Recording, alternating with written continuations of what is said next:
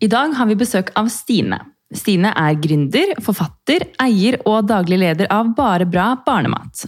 Hun har en bachelor i ernæring, har drevet egen ernæringspraksis, hun har en podkast, hun er kursholder, og hun har jobbet som ernæringsansvarlig i barnehage. Og Stine driver også Norges største barnematportal, Barnematfabrikken. Så nu är det bara för dig som lyssnar att luta dig gott tillbaka och höra på när vi tar en ordentlig prat med Stine och frågar henne om allt som har med mat och kosthåll att göra. Du lyssnar på Momlife Podcast med mig Maria. Og mig Maria.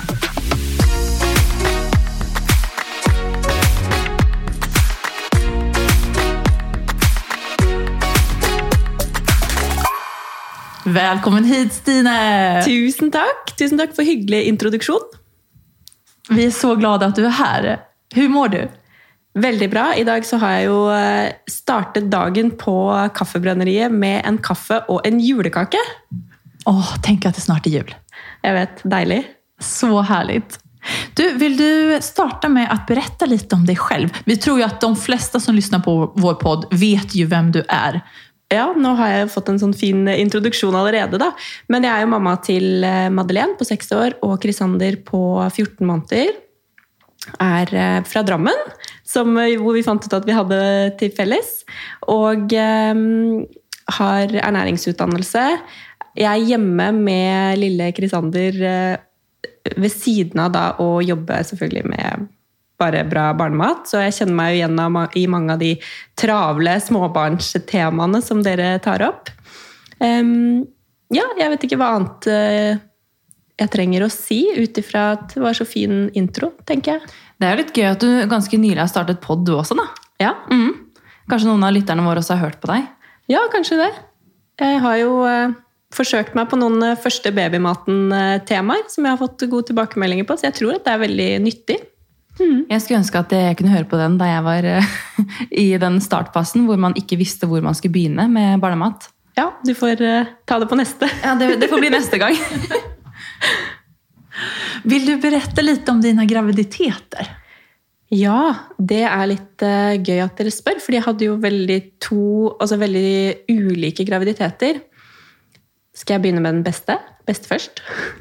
Det var jo Krisander. Han eh, fødte jeg i, eh, midt i koronapandemien, om jeg kan si, si det sånn, i 31. august 2020. Og da hadde jeg Det som var den store forskjellen på fødslene mine, var jo at da hadde jeg forberedt meg på en sånn helt unik måte, vil jeg si. da. Eh, Forberedelsen var eh, mentalt en helt annen enn med første, og det er jo litt sånn Første barnet, så vet man ikke hva man går til. Man tenker kanskje Eller jeg, jeg kan bare snakke for meg selv, da. Jeg tenkte i hvert fall ikke så mye over. Jeg tenkte liksom bare Jeg skulle ha en eh, naturlig fødsel, og jeg tenkte liksom at det her fikser kroppen, og, og tenkte ikke så veldig mye mer over det. Tenkte ikke at det var lurt å forberede seg til en fødsel, at fødsel er en liksom stor prestasjon. Det tenkte ikke jeg på. Men det gjorde jeg til nummer to. Så nummer to ble rett og slett det jeg kan kalle min drømmefødsel. Da. Fordi drømmefødsel er jo liksom en, ens egen definisjon på hva fødselen er. Det fins jo mange forskjellige drømmefødsler, men det var min drømmefødsel. og det var liksom jeg hadde sett for meg at eh, jeg skulle ha en naturlig fødsel. Jeg skulle liksom prøve å ikke ha smertestillende. Det var ikke noe sånn stort overordna mål, men jeg ønska egentlig bare at jo mer naturlig, jo bedre. Eh, Og så hadde jeg veldig fokus på at jeg skulle liksom lytte mer innover, da, istedenfor å høre på alt det eksterne. Altså selvfølgelig høre på eh, leger og jordmødre som kom med råd, men også liksom lytte til meg, mer til meg selv enn det jeg gjorde ved første. Så den fødselen, den eh, Jeg kan jo bare si kort hvordan den var. Da kom Hvis jeg begynner på selve når fødselen var i gang, så var jo det to minutter på fem midt i liksom besøkstida, for det var jo veldig strengt akkurat da. Da starta fødselen, og så eh, gikk alt veldig raskt. Og han var ute to minutter på sju når da besøkstida var over klokka sju. Så det var liksom rett før klokka fem og rett eh, før klokka sju. Helt utrolig. Ja. Men var det som du hadde sett for deg? Ja. Og det er liksom så interessant at du sier det, fordi jeg hadde på en måte visualisert og sett for meg hvordan min fødsel skulle være. Altså Bare med nummer to. da. Forberedt meg. Jeg hadde tatt eh, kurs i en eh, positiv fødsel-kurs, som dere kanskje har hørt om. Altså, det var helt Altså at det går an. Altså hva kroppen klarer. Hva vi klarer. Det er helt Ja, det er fantastisk. Men når du beskriver det så her, det låter som at du hadde vært så flink på å visualisere hvordan det skulle være. Så du visste på en måte når du kom inn da, at ok, nå har jeg en plan, nå skal jeg gjøre så her. Og så ble det så. Ja. Altså, alt i forkant ble jo ikke sånn som jeg hadde sett for meg, men selve på en måte fødselen ble det. Det her mellom klockan fem og sju. Ja, altså Jeg hadde ikke sett for meg at det skulle liksom skje akkurat da, men, og det var jo litt sånn Akkurat som kroppen bare prima for Han fikk jo være der litt etterpå, så det var jo ikke det. Men det var liksom akkurat da Joakim, samboeren min, kom, og så liksom midt i besøkstida. Det var ja, morsomt. Utrolig. Men og første fødselen, da? med Madeleine? Den var ganske annerledes. Ikke bare fordi det var en, et keisersnitt. Eh, Først, altså med henne var det keisersnitt, og med Kristander hadde jeg vaginalfødsel. Så det er på en måte de store sånn, på papiret forskjellene. Mens for meg så var jo hele opplevelsen med datteren min, altså Madeleine første, veldig dramatisk. Jeg ble satt i gang. Eh, altså hele prosessen. Det var veldig mye inngrep, som da førte til liksom neste inngrep. Eh, og som igjen da førte til at jeg satt ikke på min egen fødsel, hvis det gir mening. Jeg følte liksom at jeg var her ute, og fødselen var liksom bare noe som skjedde. Eller keisersnittet, da. Du hadde på en måte ikke den samme kontrollen over din egen kropp og det som skulle skje, sånn som du hadde nå. da. Eh, Alt for alt gikk kanskje litt sånn sånn som du ikke hadde planlagt. Ja, det er akkurat det. Rett og slett ikke kontrollen. Og det er spennende det du sier der, fordi sånn som hun jordmora sa til meg, hun bare sånn Til fødsel nummer to, da, så sier hun hvis ikke du tar kontrollen på din fødsel, så gjør noen andre det. Og jeg bare sånn Den satt. Hva gjorde det mentalt med deg på første fødsel, da? Um, egentlig så Jeg godtok at det ble et keisersnitt, men jeg syns jo allikevel at det var vanskelig. Og det er jo sånn, Hvis jeg snakker om det i detalj i dag, så kommer det liksom Det samme kommer opp. Det er liksom fortsatt, fortsatt egentlig ganske sånn vondt, selv om jeg godtok at det var sånn, og det skjedde, og alt gikk bra. Og jeg er jo takknemlig for at vi har den muligheten da, til å få et uh, friskt barn uten Altså for keisersnittløsningen. Så det skal man jo selvfølgelig få med at man er takknemlig for, og det er jeg. Men det handler om hva man ser for seg, og sin egen altså Jeg kunne sikkert hatt en god fødselsopplevelse med et keisersnitt. Det er mange som har det, men det hadde ikke jeg. Men gjorde det noe med altså Som du sier at du eh, til fødsel nummer to så forberedte du deg på en helt annen måte. Du, du tok dette positive fødselkurset. Og, men var du liksom redd for at det ikke skulle gå den veien du hadde sett for deg? Ja, jeg hadde jo ikke sant, du vet, eh, Selv om du har liksom eyes on the target, så er det jo, popper disse tankene opp. ikke sant, disse, Og hva hvis, hva hvis? Men jeg måtte liksom bare jobbe med å få de Kvitte meg med de tankene når de poppa opp.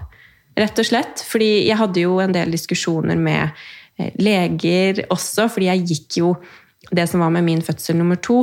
Og det er jo ikke noe jeg anbefaler, men det er noe som føltes riktig for meg. Jeg gikk lenger enn det som var anbefalt. Jeg gikk i 16 dager over. Og det er jo Ja, det er ikke anbefalt, eh, om jeg kan si det sånn, da.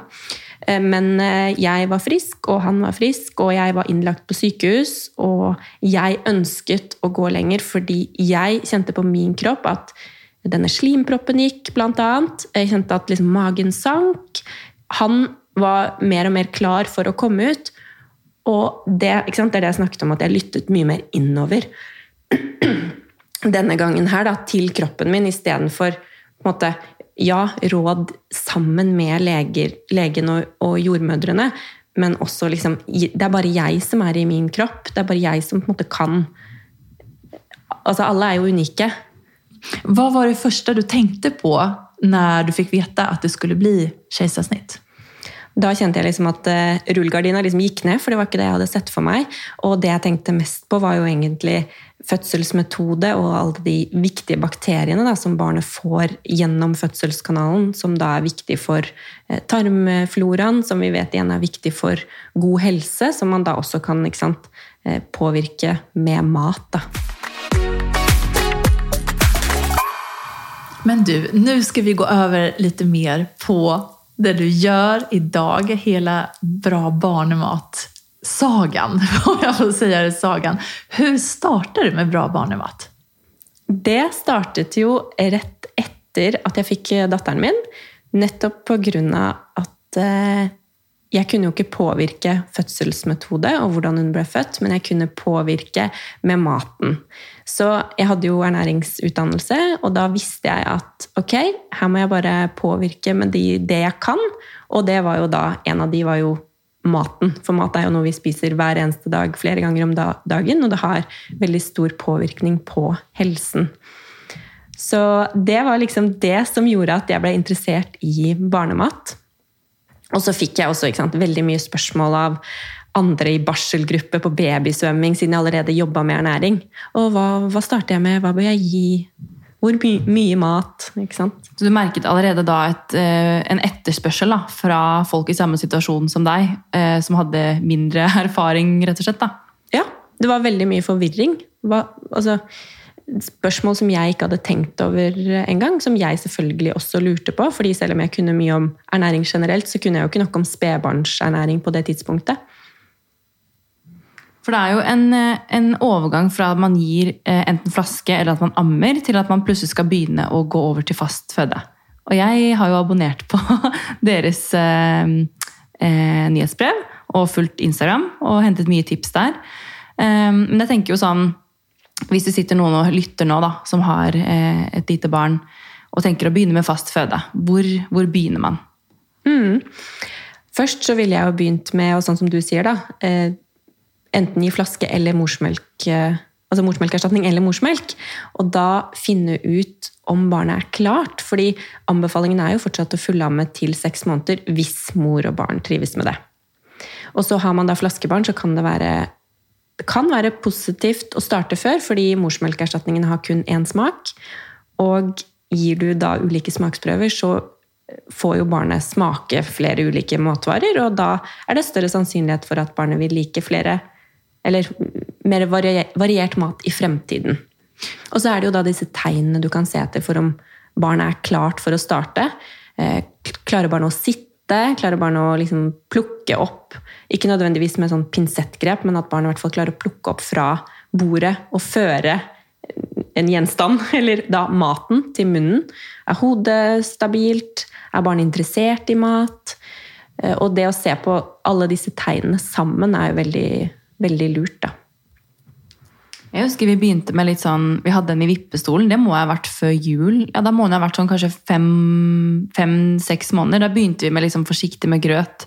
Det tror jeg var det første liksom, vi gjorde. Og det, jeg syns jo det var veldig gøy da, å kunne liksom gå fra å uh, være et matfat til å, å, på en måte gi maten uh, med skje.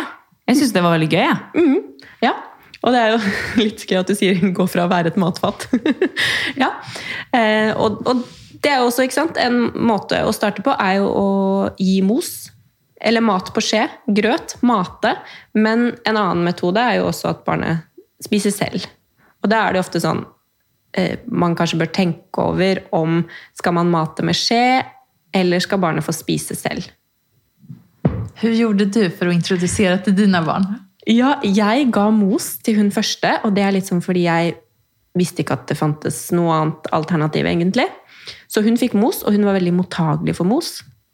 Mens han Krisander eh, han var ikke like mottagelig for å bli matet. Og det var mer naturlig for meg at han skulle få spise selv. Så han har spist selv helt fra start. Hva var det første du ga ham? Oi, hjelp, det husker jeg ikke engang. det var en eller annen grønnsak. Som du ga i Hanne da, så tok han den da?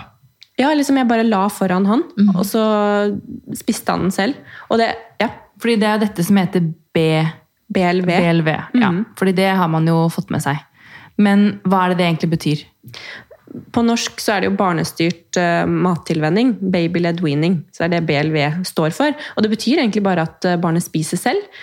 Sånn som vi gjør, egentlig. At det starter helt fra du går over fra morsmelkerstatning eller morsmelk, så spiser barnet selv. Det eneste du som forelder gjør, er å tilby barnet. Har du eksempel på noen bra bra matretter, ikke matretter kanskje, men bra grønnsaker eller bra mat som, som passer for det her? Å gi et litet barn? Altså, du kan gi egen, altså det er jo litt sånn, jeg føler at det er viktig å, å påpeke at det ikke er noe fasitsvar. Fordi det er det ofte så føler jeg sånn Hva er det beste å gi? Hva er det jeg bør starte med? Hva er det aller beste? Og det man egentlig bør tenke på, er jo det ikke sant? å gi barnet variasjon i smaker, i konsistenser, eh, og tilføre kanskje litt fett i måltidet, som er viktig for de små. Og det å gi de liksom grønnsaker, det kan være potet, det kan være søtpotet, blomkål, brokkoli. Kålrot det er på en måte ikke noe fasitsvar, men den variasjonen, og kanskje også starte med grønnsaker som har Det er jo ikke sånn at eh, det faller seg naturlig for alle barn å spise masse grønnsaker. Og eh, det var gjort en undersøkelse nå som viste at 22% av nordmenn spiser anbefalte daglige dose, inntak, av eh, grønnsaker. Og da er det jo det frukt, grønnsaker og bær, da. Da er jo det noe vi kanskje bør jobbe med mer, da. Helt fra start. Så Men vi prøvde liksom bevisst i starten, for det hadde vi jo lest om litt, da, at ikke gi for mye søtt i starten, fordi da kan det hende at man ikke er så keen på å spise så mye grønnsaker, som er noe av det man kanskje ønsker at barnet skal spise mye av. da. Eh, Men jeg føler jo liksom at etter at vi begynte å gi grønnsaker og gi liksom, ja, potet og sånne ting, så begynte vi også med på en måte frukt og grønnsaker, men at vi, ja, den anbefalingen om å kanskje starte med grønnsakene, den, den prøvde vi å ha liksom top of mind, for ikke la henne bare spise det som var søtt. ja, gikk det bra? Ja, jeg syns jo det, men det er jo sånn man, man eh, merker jo fort at eh, det er enkelte ting de liker bedre. Altså, for eksempel i går så spiste vi kyllingsalat til middag, eh, og hun får jo liksom, hun får litt av alt på tallerkenen, men hun foretrekker jo kyllingen. Mest av alt, på en måte. Så det, jeg føler liksom at eh, jeg vil ikke liksom sette noen grenser for hva hun skal spise. Jeg vil heller på en måte tilby alt vi har til middag, og så får heller hun velge. da. Hvis hun har mest lyst på kylling, ja, men da får hun spise det, da. Men jeg vil jo at hun skal spise det andre òg. Men vet du hva? Det tenker jeg er kjempelurt. Fordi grønnsakene og det andre er jo der. Så lenge du har det. Altså, det er jo ikke bare sånn at barnet trenger å spise en matvare for å bli kjent med matvaren. De trenger også å se den. Så det er Ja, det er jo et godt poeng. Ok, men Da gjør jeg noe riktig, i hvert fall. Fordi man blir jo litt sånn her ok, vi har eh, x antall ting på tallerkenen, og jeg vil jo at hun skal spise alt og få i seg alt, men eh, om det blir 50% kylling og litt annet, så er det jo ja, som du sier, bra at hun i hvert fall ser det. Og etter hvert så tenker jeg når hun er kjent med at det kanskje gjør at hun vil prøve å smake, da. Jeg tenker jo at Eksponeringen er jo viktig. Bare det å ha det på tallerken, ha det tilgjengelig. Dere, Hun sier at dere spiser. Det, er, altså det, er, det tror jeg det er viktig at vi får frem det der, fordi det tror jeg er litt sånn undervurdert. Da. Vi tenker veldig ofte sånn 'Å, barnet mitt spiser ikke det.' Vi har veldig fokus på det kanskje barnet ikke spiser. Mens bare sånn Ok, det går helt fint. Vi har det tilgjengelig. Det er det viktigste. Vi slutter ikke å tilby. Tenke at det er jo ikke konstant for barn. Det forandres jo hele tida. Så hvis vi liksom er åpne for at ja, ja, kanskje du spiser Jeg vet ikke hva dere hadde i den salaten, da, men kanskje, ikke sant, kanskje dere hadde noe paprika eller agurk eller en eller annen grønnsak. Da kanskje Ja, spiste ikke det i dag, men kanskje, kanskje i morgen. Og bare ikke sette en sånn merkelapp at ja, barnet mitt liker ikke det. For det er veldig fort gjort. Det der som du sier nå er superviktig. Og det der har jeg merkt selv faktisk også. Eh, vi äter ju också mycket grönsaker och till absolut största del vegetariskt. Eller jag har inte ätit kött sedan jag var 13. Oj, så det blir automatiskt att jag ger mina barn vegetarisk mat också. Ehm, och då blir det ju att broccoli till exempel är ju en stor favorit hemma hos oss. Vi äter jättemycket broccoli. Och sen så var det en dag som Valentina helt plötsligt inte ville äta broccoli. Hon har älskat det och sen inte. Så gick det en vecka, hon spiste inte alls. Och sen veckan efter vill hon bara ha broccoli igen. Så det går verkligen upp och ner hela tiden. Ja, barn er jo periodespisere. Ja, ja, ja, helt klart. Men då som du säger att man låter grönsaken, eller vad det nu är man har på tallriken, ligga kvar. Ja, og så tenker jeg litt sånn at eh, vi som foreldre bare prøver å senke skuldrene litt og tenke at eh, det er greit, det gjør ingenting. Det viktigste er faktisk at man har det hyggelig rundt bordet og fortsetter å tilby, har det tilgjengelig. Og, bare ta vekk den merkelappen om liksom, liker, liker ikke. Fordi det forandrer seg så fort. eh, ikke sant? Sånn som du sier òg, at brokkoli-utfordringen, som jeg også har vært borti, faktisk. Men eh, jeg har et eksempel på det der, fordi eh, vi testet jo jeg føler liksom, jeg kjente meg veldig igjen i når jeg hørte på den første episoden av podden din. Så forteller du litt om at det er jo ikke noe som på en måte er riktig og galt. Det er jo ikke, jeg så jo for meg at jeg skulle lage alt hjemmelaget, men det har jeg jo på en måte gått litt bort fra også. fordi innimellom så blir det enkle løsninger. Det blir glass. Og jeg føler at jeg er ikke noe dårligere mamma av den grunn. Og jeg føler at vi, så lenge vi gir variert, som du også nevner, eh, så vet man at man kanskje gjør en god jobb. da. Men poenget mitt var at eh, i starten så prøvde vi, når vi skulle begynne med sånt middagsglass, så fikk hun noe hvor det var tomat. Eh, og så opplevde vi at hun liksom ikke virket så interessert i det, og hun fikk en liten sånn blemme på leppa. Så var vi sånn, ok, vi, vi noterer oss det, kanskje hun reagerer på tomat. Men så leste vi også at man skal ikke liksom slutte å tilby, fordi det kan hende at man reagerer på noe der og da, men i etterkant så trenger det ikke å ha noe betydning. Så vi har fortsatt å gi det, og hun spiser jo tomatsaus og tomat nå uten å på en måte bry seg eller få noe utslag på, på blemmer eller noe sånt. Så det er jo på en måte noe å ikke bli redd for å prøve ting igjen, da. Mm. Ja, kjempelurt. Og det er jo sånn, det kan jo være en tilfeldighet også. Så ja, så lenge ikke det er en sånn alvorlig reaksjon, så fortsett å tilby. Helt enig. Men fins det noen mat som man skal unnvike å gi i starten?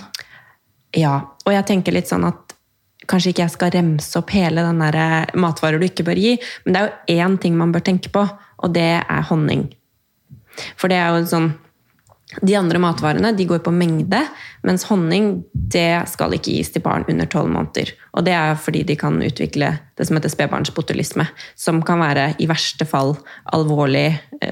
Jeg pleier å fortelle historien om lille Markus, som eh, Det er en eh, historie fra VG i tidlig 2000-tallet, hvor han fikk eh, litt honning på smokken av mammaen sin fordi hun hadde hørt at det kunne kurere kolikk.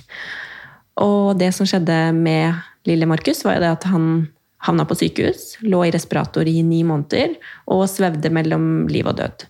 Og det er på en måte et sånt skrekkeksempel på hva som kan skje hvis et barn får i seg honning. Det trenger ikke nødvendigvis å skje noe, men det, det er det som kan Altså nesten worst case, da. Det, Så ikke noe honning, folkens. Da vet vi det. det husker man, ikke sant? Spesielt når jeg forteller den, eh, den historien. Så jeg tenker at det, så lenge man forholder seg til det, så er de, de andre matvarene de går på mengde. Gir du det, så er det ikke krise. Nei, for sånn som spinat og rødbeter og sånn, det har jeg liksom skjønt at du ikke gir for mye av det. på en måte.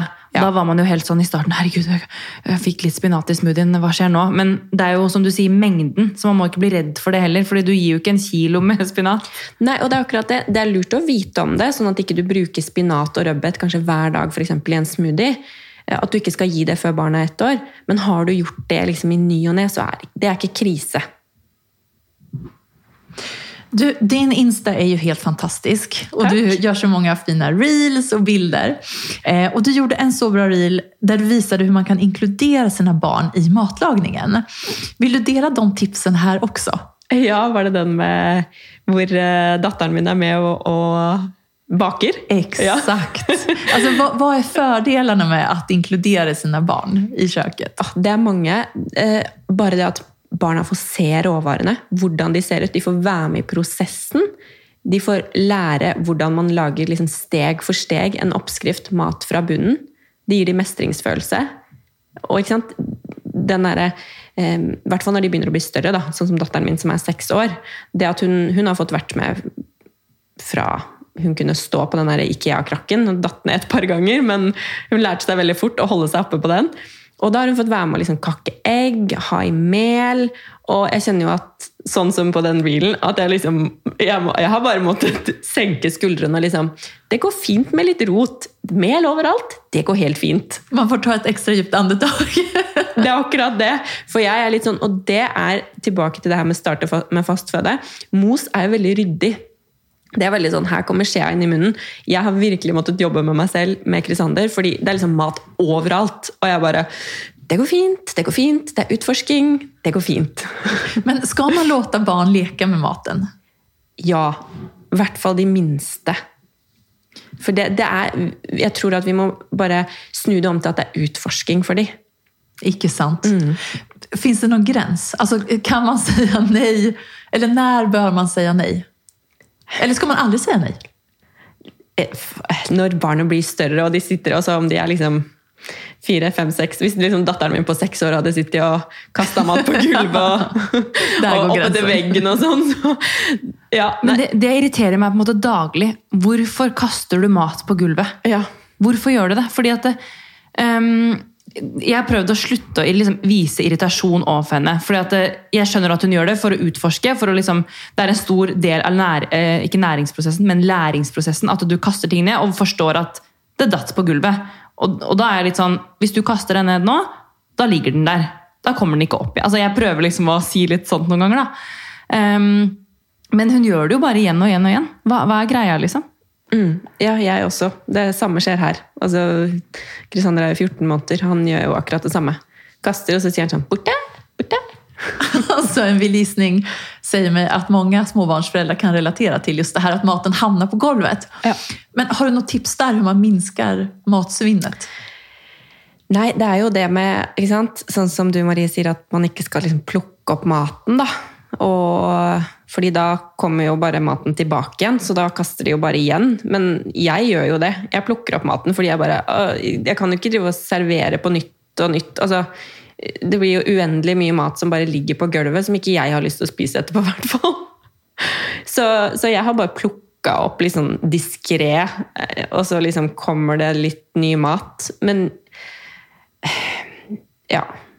Det er kanskje ikke noe fasit her, men eh, jeg merker i hvert fall at ehm, og ikke gjøre så mye ut av det har i hvert fall funket her. da. Fordi at hvis jeg, er sånn, hvis jeg vir virkelig viser frustrasjon, så føler jeg at det, enten syns hun det er gøy, eller så er det sånn Hæ, her er en reaksjon jeg har lyst til å teste ut mer. Så å gjøre minst mulig ut av det har i hvert fall funket her. da. ja. Det er veldig mye testing. Så lurt å liksom ikke ja, late som ingenting, rett og slett. Bare holde det litt coolt. Men du, har du noen bra tips om hvordan man prater om mat med sine barn på beste sätt? Alltså betydelsen, Hvorfor det er viktig å spise ordentlig. Og... Ja, jeg føler jo selv at jeg ikke helt har knekt den koden med seksåringen. Det er jo klart, For oss så blir det jo veldig mye sånn matfokus i og med at jeg jobber med mat. Men jeg prøver jo å bare ha fokus på det som er positivt. Og prate positivt om mat, sånn generelt sett.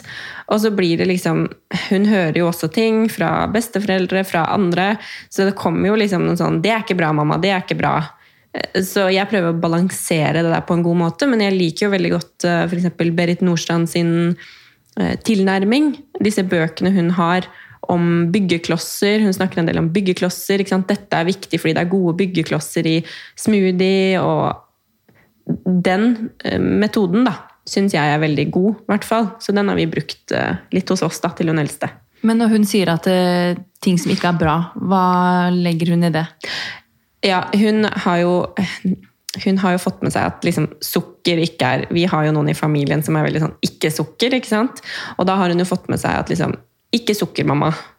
Eh, og så jeg sier nei, hvis det blir mye av det, så det er klart liksom Prøver å balansere det på en god måte, og jeg føler at det er utfordrende. Det er det. Fordi det er jo ikke liksom til å legge skjul på at eh, det fins mat Den maten er bedre enn den maten. Eh, Men jeg prøver allikevel å liksom bare ha fokus på det der at eh, vi spiser den maten fordi det er, det er den maten som sant, vi mener at det er bra for oss å spise, og så mener man forskjellig.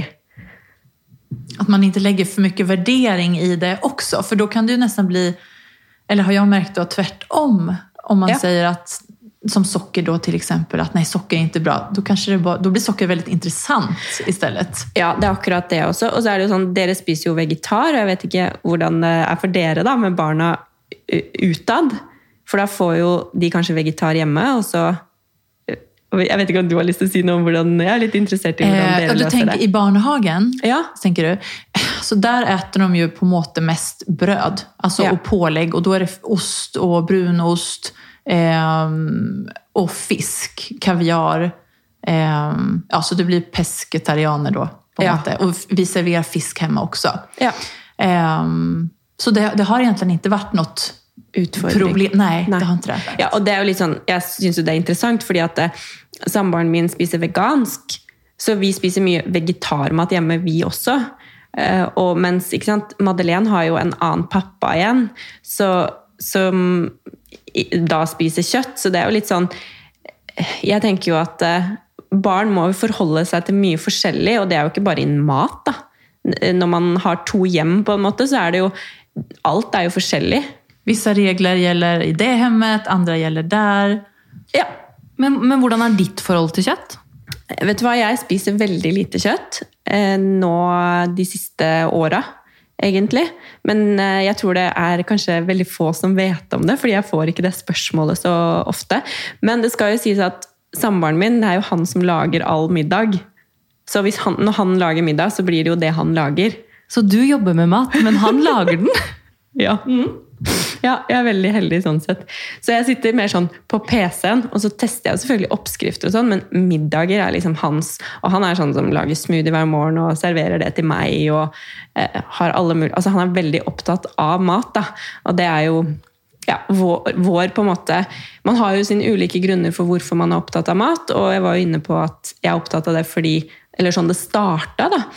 Men samboeren min har jo en alvor, alvorlig hjernesykdom som han da har eh, spist seg symptomfri fra. Så kosthold da er jo veldig viktig for han. Og den sykdommen er jo også 50% sjanse for at Krisander kan ha den. Og det er på en måte ingen Det er jo ikke noe kur for det. Så da må man jo ta gode livsstilsvalg, og en av de er jo da maten. da. Tenke på hva man, hva man spiser. Så vi må prøve å være gode rollemodeller for han. da, kanskje det er viktig for alle, men ekstra, det blir ekstra viktig for oss. da. Ja, Fantastisk. At maten kan hjelpe ham da? Altså den, den, din manns veganske kosthold? Ja, det har fungert kjempebra for han. Og, og det er også da, sant, ved siden av det Det er andre ting også. Ikke stresse, meditere. Det er jo en hel livsstil, men maten er jo selvfølgelig, siden det er en såpass stor del, eh, så betyr jo det veldig mye. Du, jeg har et spørsmål, fordi det har jo ganske nylig vært halloween. Og i barnehagen da, så Oliva var selvfølgelig syk da på halloween, fikk ikke vært med. Men da vi kom tilbake i barnehagen, så sto det da en godtepose på hver eneste plass. Eh, og da selvfølgelig de som ikke var der, skulle få med seg. Og jeg ser jo liksom de andre barna som ble hentet i barnehagen samme dag, de var liksom helt liksom, De skulle ha den godteposen. Eh, og Olivia enset ikke den posen engang, for hun vet jo ikke hva godteri er. Jeg har vært kanskje litt streng på det. at liksom, selvfølgelig, Hvis vi spiser en bolle i helgen, eller hvis det er noe kake til dessert Hun skal få lov til å smake. Det er viktig for meg at hun skal få lov til å smake på ting. Og Georg har kanskje vært litt mer sånn La henne smake litt på den isen, da. Det går fint. Mens jeg har kanskje vært litt mer sånn Hvis hun får smake på det, så har hun bare lyst på mer av det. Um, så hun har faktisk ikke smakt godteri. Og da ser jeg jo liksom, Men det virker det som de andre i barnehagen har. Og da lurer jeg på hva er ditt forhold til godteri og sukker? Ja, det der er jo et spørsmål som kommer eh, veldig ofte fra følgere, faktisk. Og mange er frustrerte fordi barnehagen tar egentlig på seg en rolle da, i forhold til akkurat det der med sukker som de egentlig ikke har, er min mening, da. Og jeg tror ikke at de andre i barnehagen, altså alle, nødvendigvis har fått smake sukker heller. Men hvis man ikke sier ifra, så blir det sånn at man liksom litt sånn sitter på hver sin tue og ikke kanskje vet hva, som, vet hva de andre tenker. Så bare for å si det liksom først, da, er jo det at det, det kan jo være lurt å snakke med barnehagen om det i forkant, spesielt hos de minste barna, hvis du ikke har liksom innført sukker ennå. Mange starter jo i barnehagen når de er liksom ti måneder, ett år. De er kjempesmå. De har jo de har ikke behov for det å bli introdusert for Altså, det kommer jo uansett. Så kan man ikke bare vente.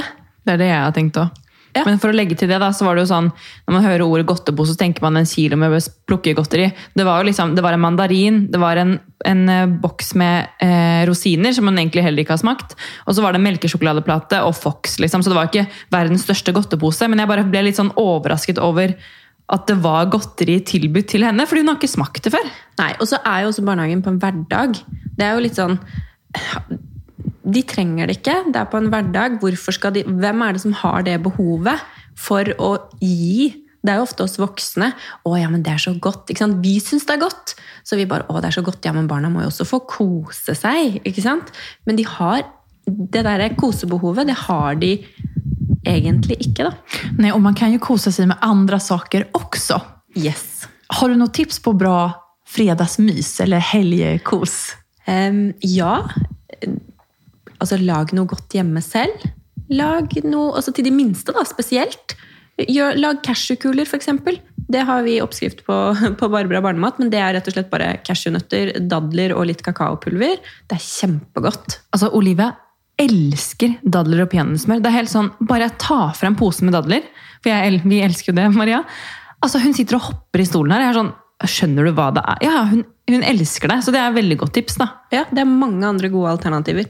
Og sånn som jeg gjorde da, i barnehagen eh, med Madeleine, var jo det at jeg snakka med de i forkant. Og sa liksom vi har ikke innført eh, sukker, hun har ikke fått noe, hun får liksom hjemmelaget og er fornøyd med det.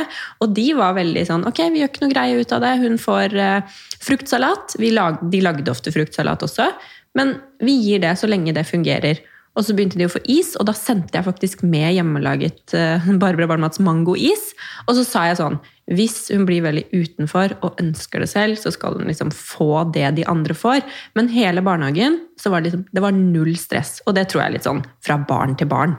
Det er ikke alle barn som hadde liksom med glede spist hjemmelaget. Men de andre barna syntes liksom hennes is var spennende. Så det gikk liksom andre veien. Og det var jeg ganske overraska over. Men her tror jeg det har veldig mye med hvordan de barnehageansatte håndterer situasjonen. Og det fungerte kjempefint for oss. Det er annerledes på skolen. Matlusten hos barn går jo litt opp og ned, men de må jo få i seg tilstrekkelig med næring. Hur, vad gör, vad, har du tips der hva man gjør om ens barn ikke vil ete? Ja. Først så tenker jeg at det er kjempeviktig at uh, igjen da, vi foreldre som jeg var inne på litt tidligere, at vi bare senker skuldrene og tenker det er greit at barnet ikke spiser, så lenge barnet er friskt og og så er det et lite barn, så må man selvfølgelig følge med på vekt, og det får man jo hjelp til hos helsestasjonen. Men at barn ikke spiser i perioder, ikke sant Marie, vi var inne på det her med sykdom. Når barn er syke, så spiser de ofte mindre. Og det kan være en sånn stor frustrasjon hos foreldre. Men det er også helt normalt. Så det å tenke at det går i perioder, bare for å ta det først, da, da tenker jeg at vi bare kan liksom Ok, tilby. Tilby er det viktigste. Tilby alltid, tving aldri. Så lenge du tilbyr, så kan barnet bestemme om de vil spise eller ikke. Det er veldig bra at du sier, fordi jeg har følt litt på det selv. At liksom, ja, matlysten blir jo mindre når det er sykdom. Eh, og jeg merker jo også at det er Vi har funnet ut at det er eh, mindre matvarer hun har lyst på. på en måte. Og vi har jo på en måte omtrent aldri tilbudt saft. Men det har vi måttet putte litt i, i vannflasken hennes nå for å få i henne væske. på en måte. Så man må jo liksom tilpasse også litt situasjonen. At ok, ja, vi får ta litt juice i flasken eller blande litt med vann, bare for å liksom prøve å tilpasse at hun egentlig ikke vil ha, men så får hun det i seg likevel. da. Mm, ja, væske er jo veldig viktig når de er syke, selvfølgelig. Så at, om de ikke spiser så mye mat akkurat da, det er jo på en måte ikke noe å stresse over. Men hvis det, hvis det vedvarer over tid Det er jo ikke sånn at friske barn sulter seg jo ikke. Eh, og så er det litt sånn eh, Jeg tror jo at vi foreldre kan bli, altså meg selv inkludert, da, bli litt sånn stressa over at barnet ikke spiser. Og så begynner man kanskje å tilby ting som man ikke hadde tilbudt før. Kjenner meg veldig igjen. Ja, men, Og da bare liksom ta et steg tilbake og bare mm, Kanskje jeg skal ha litt is i magen og bare fortsette å tilby den brokkolien, da. Så vips, så liksom plukker barnet opp den og bare spis, spiser det. Fordi det har jeg prøvd å si til meg selv. Er hun sulten nok, så spiser hun. Og det er sånn, Vi har hatt omgangssyke og, og litt av hvert. og det er sånn, Jeg tenkte ok, jeg må rett bort på bakeren, kjøpe loff. Det er det eneste jeg hadde lyst på da jeg var syk. da jeg var liten. Og liksom sånn, ok, Jeg, trenger ikke å måtte tilby loff og syltetøy liksom, bare for å, få, for å få igjen noe. For nå har hun vært syk nå. Hun har fått grov speltbrød, og hun har spist det. Fordi er hun sulten nok, så spiser hun jo. Det er akkurat det. Og det er jo sånn at man tar med seg de vanene man har hatt selv, eller de smakene man Hvis jeg liker noe eller ikke liker noe, så tenker jeg sånn ja, Det er jo ikke noe godt. Selvfølgelig vil han ikke ha det, det er jo ikke noe godt, men de er jo en egen person. Det er jo sånn, det er så lett å overføre ens egne vaner og uvaner til, til barna, da. Nu har vi ju pratat massor om mat, men jag tänkte bara ställa frågan, har du några konkreta exempel på sunda, enkla måltider till barn? Ja. Jeg tenker litt sånn at man må gjøre det enkelt for å orke å lage hjemmelaget. Og det å bare ta det ned på det familien spiser til middag, da. Så en sunn liksom, matrett til hele familien kan jo være en gryte. Det kan være med sant, kylling, som dere spiste Maria her om dagen, eller eh, med kikerter, hvis man ønsker å ha vegetarmat. Det er jo kjempegodt. Kikerter er så poppis hjemme. Mm, og enkelt for barn å spise også. Plukke opp og, og, og, spise hvis de spiser selv når de er små. Eller så har man jo smoothie, som man kan liksom putte Og det er dere sikkert godt kjent med, begge to. Man kan bare putte alt mulig rart oppi. Og jeg pleier å, til seksåringen så putter jeg sant, spinat oppi og sier nå putter jeg spinat i smoothien, fordi jeg gjemmer det ikke bort. Men hun vil ikke spise spinat, men hun drikker spinat. Så det er min måte å få i henne på, fordi det er veldig sånn omdiskutert. Man skal ikke lure barn, og eh, det er så viktig at de ikke blir liksom lurt. Og jeg er veldig enig i det, men det å putte det oppi så de ser det, og det, altså man gjør jo det uansett i gryter. Råvarene forsvinner jo. Kjæresten min er ikke så glad i paprika, men han spiser det i gryter. ikke sant? Og hvis man, Jeg pleier å mose løken. Altså, Seksåringen er i en periode hvor hun ikke vil ha liksom, løk og ukjente matvarer. Da moser jeg de innimellom inn i sausen, og så har jeg de synlige enkelte ganger. sånn at Hun blir jo eksponert for den sånn som den er. Men både og, det er, det er bare et fint triks for å få i de. Og da føler man også at åh, nå har jeg fått i det litt næringsrik mat. Så bra. det er jo faktisk noe med det, da, at man blir litt sånn ekstra lykkelig når man vet at de åh, nå spiste du masse av det, eller nå har du fått i deg bra, et bra måltid her. Ja, fordi jeg kjenner liksom på at altså, vi bruker en del brød. Det er så enkelt. Og liksom når, vi, når vi var på vei inn hit i dag, så satt liksom Krisander og spiste en dobbel blings med nøttesmør på vei inn hit. Og det blir mye brød. Og jeg, sånn som jeg sier til samboeren min, jeg bare vi må huske å tilby noe mer grønnsaker. Men han er sånn Hvis det ligger grønnsaker og en brødskive med noen grønnsaker på bordet, så plukker han opp brødskiva. Han vil ikke ha de grønnsakene. Brød er veldig populært blant barn. Ja, det er go to. Og det er jo så enkelt. Det er liksom ikke, det er ikke noe gris. Det er bare sånn her har du en liten brødskive på veien. Det er det også. Ja, men det er jo, ikke sant, det, jo, det, blir jo ofte mye brød og mye korn, og det går jo på bekostning av andre matvarer. Så jeg også må liksom ha den påminnelsen hele tida om at Husk på det andre. det blir jo mye brød i barnehagen. Eh, har du tips til eh, bra matpakke? Ja. Jeg vil jo bare si først at siden det går mye brød i barnehagen, om det er i matboksen eller brød generelt i barnehagen, så er det i hvert fall lurt å ha fokus på at det brødet man gir, er bra. Fordi det utgjør en såpass stor del. Så, men det var jo ikke svar på spørsmålet ditt, da. jeg ville bare ha det med. Men gode matpakker altså, Jeg tenker at gråbrød er helt fint, men pass på å liksom ha andre matvarer. Og da er det sånn Det snakkes om at man ikke trenger å ha så fancy matpakker. Det er ofte liksom oppe i media. Men jo, man trenger, barn trenger å se ulike grønnsaker og farger. Og eksponeres, som vi var inne på. De trenger, de trenger ikke bare den der svette brødskiva med ost som vi er oppvokst med, vil jeg tippe. De trenger ikke bare det og et eple og et glass melk det er ikke sånn de kommer til å like mange ulike grønnsaker og fruktbær i fremtiden. Fordi Du sier jo noe veldig interessant i, Nå refererer jeg til podkasten din igjen. Hvor du sier det ja, synes jeg var veldig interessant, hvor du sier at eh, de tusen første dagene barnet får smake mat, er det som legger grunnlaget videre. Var det ikke sånn? Mm. Og det syns jeg var sånn Shit! Det er jo Nå er jeg veldig glad for at vi har tilbudt så mye variert, og det skal jeg søren meg fortsette med òg. Ja, det er kjempebra du tar opp det der, fordi veldig ofte så ser jeg liksom at åh, jeg har lagt inn en så god innsats, og så nå vil ikke barnet mitt spise noen ting. Men bare vite at den investeringen du har gjort tidlig Mest sannsynlig så kommer kanskje barnet til å ha en periode hvor de er eh, det som vi ser på som kresne, da, eller småspiste. Men så kommer de til å komme tilbake igjen, hvis du da selvfølgelig fortsetter å ha det tilgjengelig. da kommer de til å komme tilbake igjen. Så det er ikke forgjeves å legge inn den innsatsen tidlig. Det er da barn er veldig åpne, og det å utnytte den muligheten tidlig, den får man på en måte ikke tilbake. Så litt sånn hvis man har fått, det, er ikke, det er jo ikke sånn at eh, om du har kommet forbi det stadiet, så er du liksom dømt til å ikke kjørt. Nei, men du har bare en sånn ekstra mulighet for å liksom legge inn ekstra innsats de første leveårene den første tiden, babytiden og eh, Ja.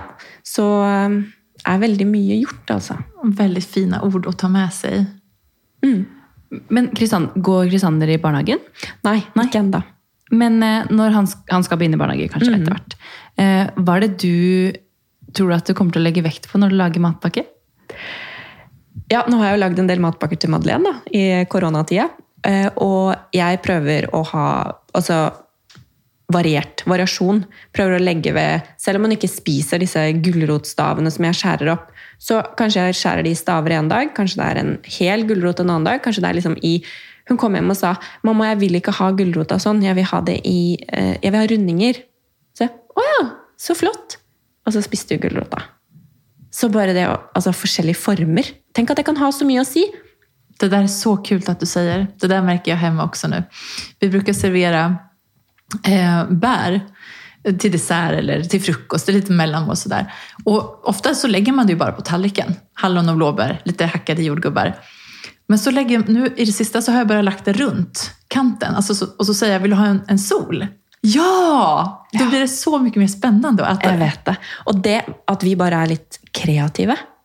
Altså, det trenger ikke å være mye i det hele tatt. Det kan sikkert være at man ikke sant, gjør den der standarden med to sånne på brødskiva, to sånne øyer av eh, agurkskiver og en liksom paprikamunn på brødskiva og sende med den, så kan sikkert altså, det være nok. da. Det her er så kult. Jeg elsker det.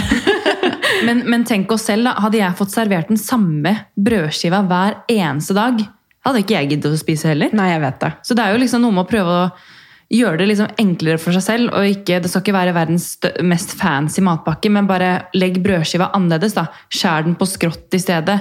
Prøv å liksom, ja, Det prøver jeg i hvert fall på morgenen, da, når du står der og bare Ja, da blir det gulost og skinke igjen, da. Hei, Gratulerer, liksom. Men bare da prøve å legge ved ja, prøve å legge ved litt kiwi eller litt frukt eller noe annet ved siden av, og en halv banan. og ja, Prøver å variere, da. Jeg har et annet tips där när det gjelder brød, altså brødskiver. Ta eh, pepparkaksformar och gjøre olika former. Hjärtan Ja. eller stjärnor eller Ja. vad som helst så. Det blir også litt mer spennende, Ja. innbiller jeg meg. da. Ja, og, det og det er litt morsomt at du sier det, fordi det, vi fikk faktisk kritikk en gang. øh, fordi vi hadde, Det var da vi skrev, for, øh, vi skrev som ernæringseksperter for VG Familieklubben.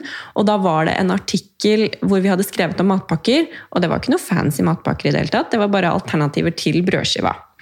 Eh, Og da var det en en artikkel, altså Det var en mamma som hadde reagert på det her og gått ut med en artikkel jeg tror det var Tønsberg Blad. Og da ble vi oppringt. da. Har dere en kommentar? Eh, og nei, vi har refererte tilbake til artikkelen vi hadde skrevet. Og da var eh, bildet på den artikkelen sånn, Jeg husker ikke overskriften, men det var liksom sånn at matpakka ikke trengte å være så fancy. Og at det gjorde liksom at eh, vi mødre følte oss uoppnåelige. da. Og da var det bilde av sånne eh, stjernebrødskiver.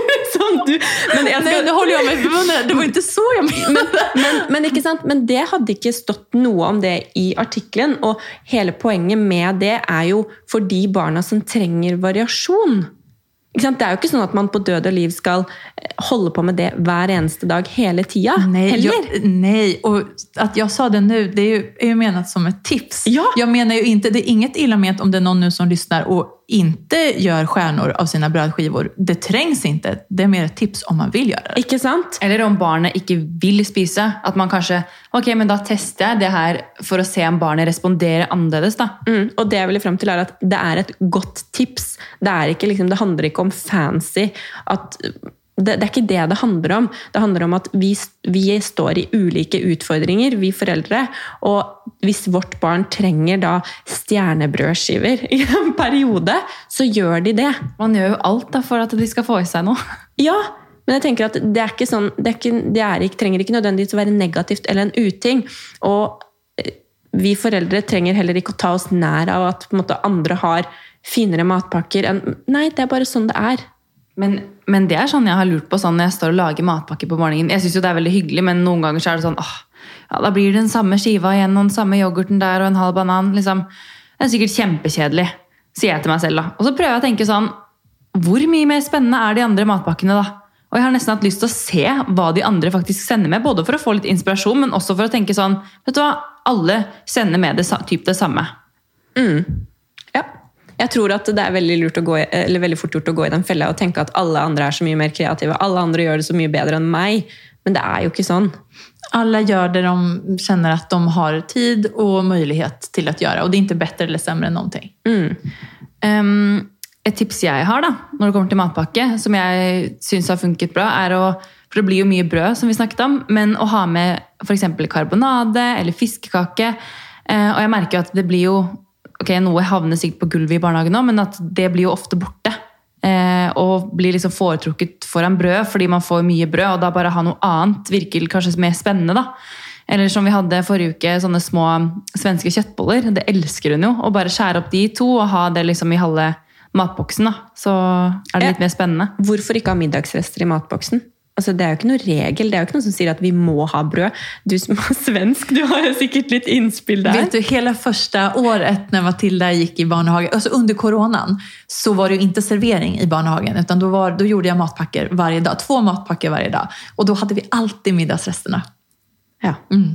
Og det, det var de fornøyd med. Alltså, 100 procent. Jeg tipper at det var mange som var misunnelige på de eh, matboksene. Ja, det var, Spesielt kanskje nu, de voksne. Nå vil ikke jeg låte så her, åh jeg er så bra og gjør så bra matpakke', Men ja, vi fikk jo berøm faktisk, at det var veldig bra. Men da brukte dere middagsrester fra dagen før? Eller lagde du kanskje litt ekstra, bare? Jeg lagde litt ekstra eh, når jeg visste at nå er det måndag dagen efter, eller vardag dagen efter. Och så bara direkt när middagen var klar så bara gjorde jag matpacken på kvällen, stod i kylskåpet över natten och så klart på morgonen. Ja. Men da tar jo det egentlig ikke noe mer tid, fordi du bruker jo den tiden på å lage middag dagen før uansett. Så hvis du bare sparer litt rester, så har du egentlig bare spart deg selv for tid. Exakt, alltså jag skärde upp, eh, eller jag skar upp lite färska grönsaker. Och så var det klart. ja, det er genialt, det trikset med å lage ekstra middag eller bruke rester. Og da får man også brukt opp maten. For det er jo ofte sånn, kanskje det ikke er nok til liksom en middag til hele familien, det som er igjen, men det er nok til å putte i matboksen. Kjenner du at det er noe mer du vil tillegge? Har vi mistet å spørre deg om noe? Jeg føler at vi har kommet oss gjennom ganske mye sånn Litt om den første babymaten, litt om matpakker, om hva vi foreldre kanskje bør At vi bør senke skuldrene. Um, men jeg lurer på sånn um, Det er jo mange alternativer ute på markedet. Og hvis man skal kjøpe uh, Det blir jo en del sånn ferdigglass uh, som man har liggende. Men er det noe man skal, hva skal man se etter når man velger sånn ferdig, ferdigprodusert mat eller glass? Hva, er det noe man bør unngå? Er det noen merker man bør se etter? Har du noen tips? Ja, det er et kjempegodt spørsmål, og jeg tenker jo at uh, jeg, må, jeg kommer ikke unna å snakke litt om disse glassene som står i romtemperatur. Fordi vi tenker kanskje ikke over det, men de, altså all mat som står i romtemperatur, er jo da varmebehandlet opp til høye temperaturer for at de da skal kunne sant, Det handler om mattrygghet. At de skal kunne stå i hylla i matvarebutikken. eh, Eller i butikken. Og det er jo kjempefint. Det gir de veldig lang holdbarhet. Det er trygt for at barnet får ikke i seg skadelige bakterier. Men når maten varmes opp til såpass høye temperaturer, altså høyere enn det vi får til på, på kjøkkenet hjemme, da, en annen prosess, så forsvinner også en del av disse varmesensitive vitaminene. I tillegg da til at mat er jo levende. Så eh, det er gode bakterier i mat, i tillegg til sant, at det kan utvikle seg dårlige bakterier, men de er jo da borte. Men det er også de gode. Så det er jo da ulempen ved disse glassene. Men det fins jo alternativer, og nå så har jo GroGro kommet med veldig gode produkter som er et godt alternativ til hjemmelaget. Og så er det jo noe med å prøve å gjøre liksom Ja. eh, Kjøpe maten til et alternativ til hjemmelaget, ikke omvendt. Ok, Bra tips. Jeg har faktisk sjekket ut noen av de Det, det er jo sånne moser, da, i hvert fall de jeg har testet. Sånn, det ene var med sånn søtpotet og blåbær. og liksom du kunne bare, Det var jo sånn mat man ga på skje, men jeg vet ikke, de har kanskje annen mat også. Jeg tror kanskje de har noe gryter eller noe sånt nå også. Jeg er litt usikker. Jeg bare vet at de er jo kaldpresset. Så det er jo, for, det er den store forskjellen, og det er de første i Norge som er ute med den. Og det bevarer jo flere av næringsstoffene, så det er en helt annen kvalitet. da. Så jeg vil jo absolutt anbefalt det hvis man skal kjøpe. Men igjen så er det litt sånn Hvor ofte gjør man det? Gjør man det en gang i ny og ne, så kanskje ikke det er så farlig. Kanskje ikke man liksom skal løpe rundt halve byen for å prøve å få tak i de beste produktene.